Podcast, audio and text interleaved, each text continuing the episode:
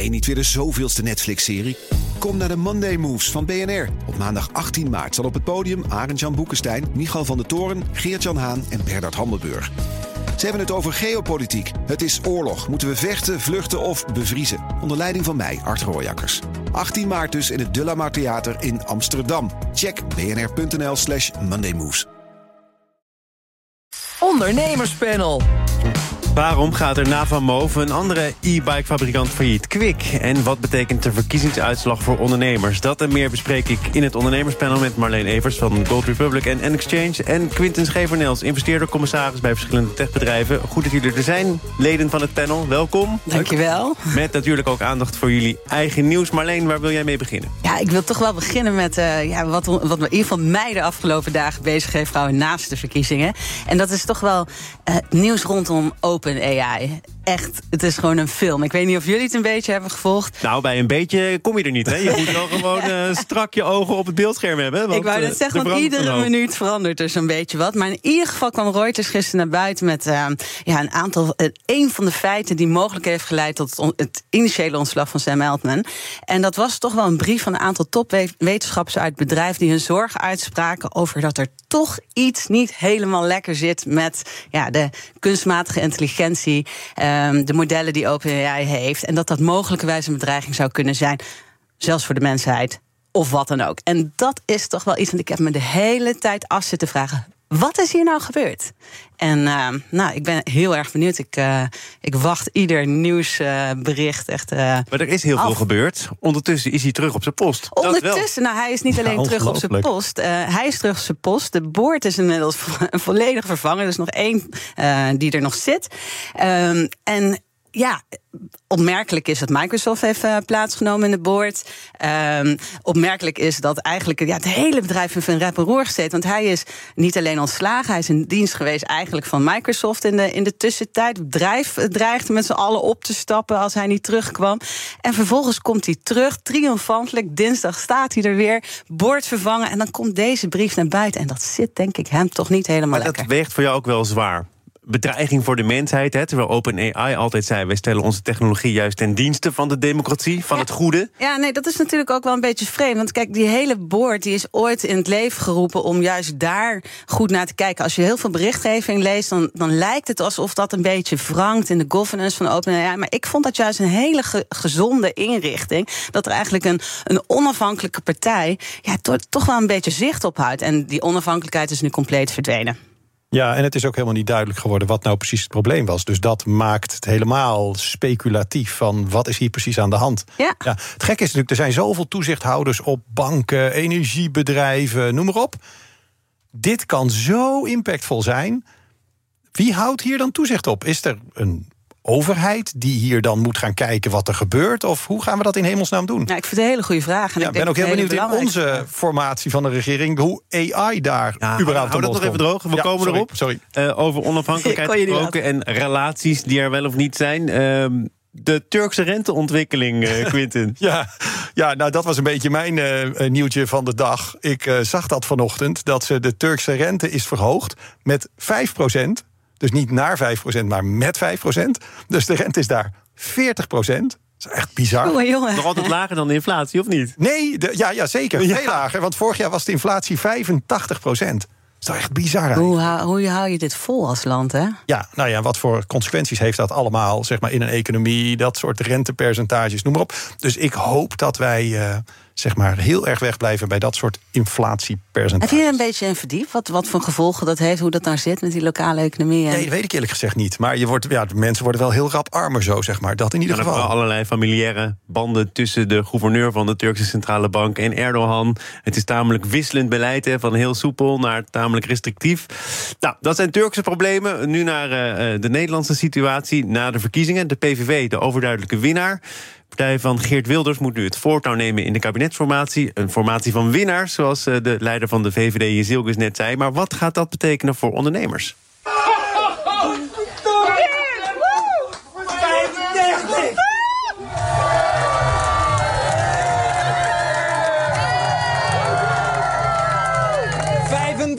zetels. De grootste partij van Nederland.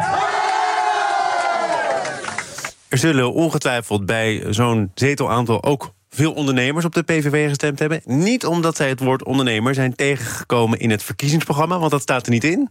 Ik wou net zeggen, ik heb ook nog even ChatGPT erop nageslagen en echt gezocht. Helaas niet gevonden. Nee. Uh, wat zegt dat wat jou betreft? Ja, het zegt heel veel. Um, los van het feit dat ik toch eigenlijk heel erg verdrietig wakker werd de volgende dag. Um, ja, ik, het, ja, ik, ik heb eigenlijk um, ik heb, ik heb zoveel punten waarvan ik denk van oké, dat is wel echt serieus iets waar we ons zorgen over moeten maken. Maar eigenlijk het allerbelangrijkste is dat, het, ja, dat we eigenlijk zo'n andere weg in gaan. Onduidelijkheid over informatie.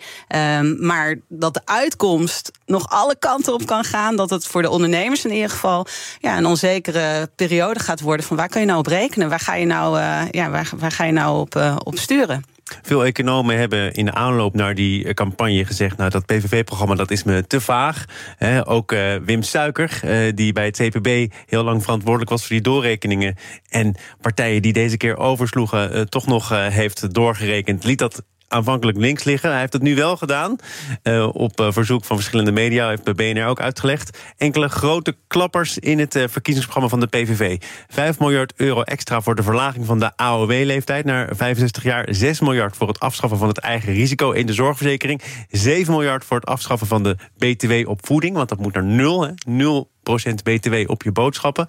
Uh, dat leidt tot een begrotingstekort van 5% Dat kan even, maar zegt Tuiker er meteen bij... niet tot Sint-Jutemus, want ook die Nederlandse staatshuishouding na een paar klappen opgevangen te hebben, gaat daar stevig onder lijden. Wat denk jij ja. dat het voor ondernemers kan betekenen, deze nee, maatregelen? Ja, ik denk dat met name de, uh, zeg maar die AOW-leeftijd terugbrengen, maar bijvoorbeeld ook hè, uh, wat gaat er precies gebeuren met uh, buitenlanders die naar Nederland willen komen. Ik denk dat er gewoon voor ondernemers ook een enorm risico ligt op het aantrekken van talent. We hebben een ontzettend krappe arbeidsmarkt waar we eigenlijk continu mensen tekort komen. En als je de AOW-leeftijd terugbrengt, ja, dan zijn mensen sneller met pensioen. En als het heel veel moeilijker wordt voor mensen om in Nederland te komen om te werken, ja, dan heb je denk ik qua economische groei ook een probleem. Dus ik weet niet hoe dat wordt doorgerekend, maar nog los van de directe kosten. Ja, denk ik dat voor heel veel ondernemers dat echt wel een, uh, een groot zorgpunt is. Ja, ik denk Nog even als... los van investeringen in klimaat die bedrijven willen doen, uh, noem maar op. Ja, ook daar regelingen die daar liggen. Uh, ja, die komen denk ik allemaal ook wel een beetje ter discussie. En dan niet alleen van de ondernemers, maar ik denk zelfs voor de consument. Want ik uh, denk direct weer aan al die horecazaken... waar je tegenwoordig alleen nog maar drie, vier dagen per week kan eten... omdat er niet genoeg personeel is. Ja. Laat staan als we het hebben over Schiphol... waar we weer uren in de rij kunnen gaan staan. Ja, maar dan gaat het dus wat jullie betreft niet alleen over die expats. Uh, want daar is Kamerbreed uh, wel een meerderheid voor om dat te versoberen. Maar dan gaat het je puur en alleen om uh, de vrijheid, onder andere vanuit Europa, om te werken waar je wil. Nou, dat is zeker niet puur en alleen hetgene waar het mij om gaat. Want die expats is zeker wel een probleem. Zeker voor de techsector, die toch eindelijk ja, een beetje begint te groeien, een beetje voet in de grond begint te krijgen in Nederland. Ja, en als je dan kijkt naar, naar wat wij in Nederland kunnen bieden aan talent uh, van buiten Nederland, dan is het vrijwel niets. Als het gaat over pakketten aandelen, alles is beperkt, de bonussen zijn beperkt. Ja, nu gaan we, als we dit dan ook nog gaan inperken, ja, het wordt echt steeds onaantrekkelijk om hierheen te komen. Dat is overduidelijk, ja. ja de weg die zij in willen slaan. Ja, maar dat betekent nogal niet wat. Want we hebben gewoon niet genoeg niet genoeg mensen hier maar in Nederland. je zegt, uh, die fiscale voordelen, daar kunnen we wel omheen werken... als we zelf aanvankelijk een hoger salaris bieden. Dan heb je als expert die korting niet nodig... om toch een goede boterham te verdienen, toch? Ja, maar ik denk dat wij uh, nou ja, in de verste verte nog niet kunnen matchen wat er aan, deze, aan dit talent in het buitenland gebied, geboden wordt. Dus dit was een hele kleine, ja, nou, hele kleine, dat was toch uh, flinke korting op. Uh, ja, dan op moet je, je waarschijnlijk ook het salaris van alle Nederlandse medewerkers verhogen. Waar ja. eigenlijk op dit moment niet direct aanleiding toe is. Dus dat betekent dat je loonkosten echt helemaal door het plafond. Nou, dan krijgen, dan krijgen we alsnog ja. Turkse inflatiecijfers. nee, ik denk dat dat gewoon helemaal niet kan. Het is niet alleen de techsector. Dus ook als je kijkt in de zorg, noem maar op. De, de zoveel buitenlandse mensen die daar werken. Dus dat is voor mij ook heel onduidelijk. Van ja, wat gaat daar dan eigenlijk mee als gebeuren? Als je dus kijkt naar de sociaal-economische uh, paragraaf in het um, verkiezingsprogramma van de van de PVV, dan zie je eigenlijk dat dat uh, vrij linkse kenmerken heeft. De economen noemden het eerder in deze uitzending zelfs extreem links.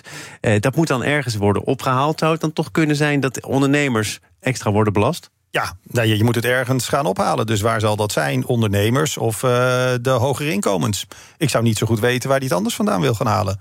Het zou me ook niks verbazen als dat allemaal nu in een formatie heel veel van die dingen er ook afvallen. Dat dat toch heel veel is om gewoon veel stemmen te trekken.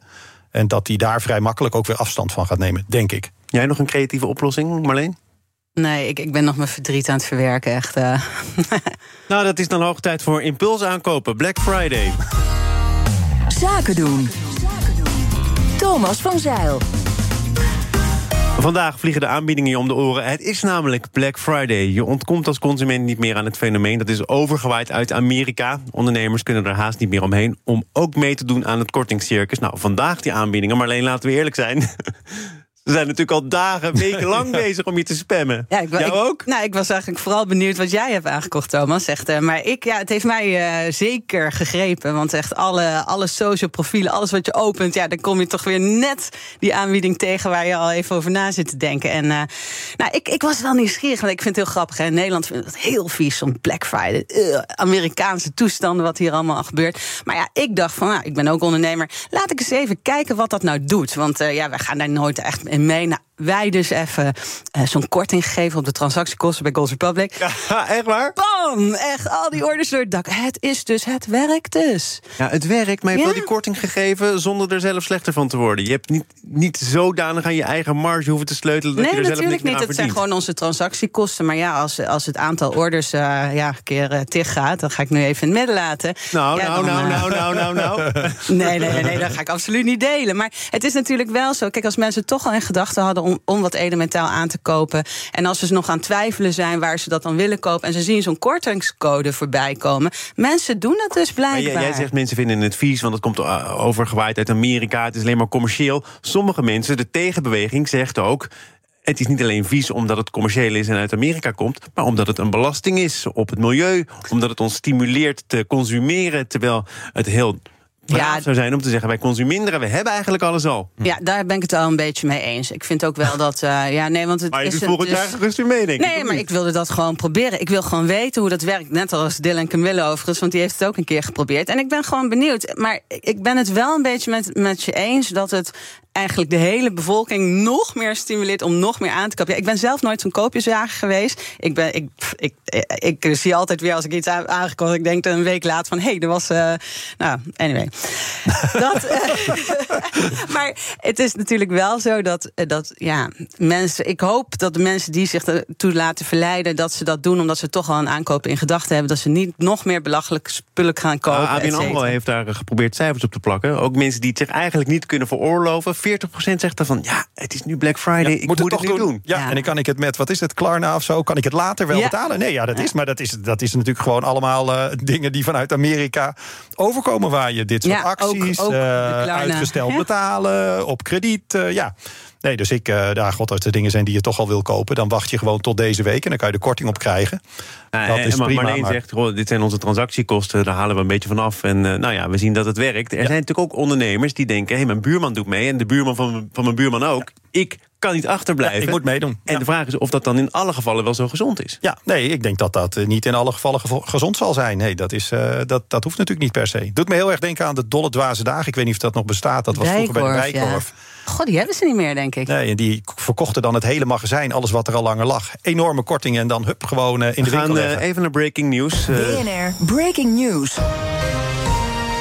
Uh, PVV Eerste Kamerlid Gorn van Strien wordt de verkenner. Uh, als er uit Den Haag meer nieuws komt, dan hoor je dat. Zoals nu ook gebleken is, direct op uh, BNR. overigens, die naam komt uit de mond van de voorzitter van de Tweede Kamer, Vera Bergkamp. Die nu in gesprek is met alle fractievoorzitters van de Tweede Kamer. Wij gaan uh, door met echt belangrijke zaken, namelijk Black Friday. die, uh, die tegenbeweging die er is. Green Friday. Uh, Marleen had het al over Dille en Camille, die al een paar jaar dicht zijn. Ja. En met het personeel volgens mij bomen gaan planten, bossen gaan planten. is dat iets wat je serieus moet nemen? Kun je, of is dat ook marketing? Ja, ik denk dat dat ook marketing is, maar wel marketing met een, met een boodschap. Dus ik vind dat eigenlijk best wel uh, goed. Dat een beetje die bewustwording van uh, ja, let wel op wat je koopt. En er zit natuurlijk heel veel bij wat je misschien helemaal niet nodig hebt. Dus ik vind het wel, ja, ik vind het wel, wel ja, nou, ik zou bijna wel zeggen grappig, maar dat doe ik ze misschien een beetje tekort. Uh, dat ze dat doen. Maar uh, ik heb toch het idee dat je vandaag ook een boodschappenlijstje hebt, of niet? Nee, nou, nou ja, dat, dat ja, is een beetje het rare. Het is ja. niet alleen Black Friday, het is inderdaad al de hele week. Maar het klopt, ik moet inderdaad dit weekend met mijn dochter naar de stad. Want die heeft een lijstje gemaakt Echt van waar, dingen joh? die ze al langer wil. En die nu allemaal, zeg maar, waar korting op zit. Ja. Zo gaat dat dan. En ik sluit niet uit dat ze dan ook nog andere dingen ziet. Of dat ik iets zie wat ik koop. Maar uh, nee, valt wel mee. Een elektrische fiets van Kwik zal er misschien niet op staan. Maar daarover zometeen wel meer in het tweede deel van dit ondernemerspanel. BNR. De toekomst roept. Minder CO2. Lies je mee? Dit is het moment om te kiezen voor de Tesla Model 3, Toyota Pro-Ace Electric of Volkswagen ID3. Uitstoot verminderen doe je samen met mobilityservice.nl.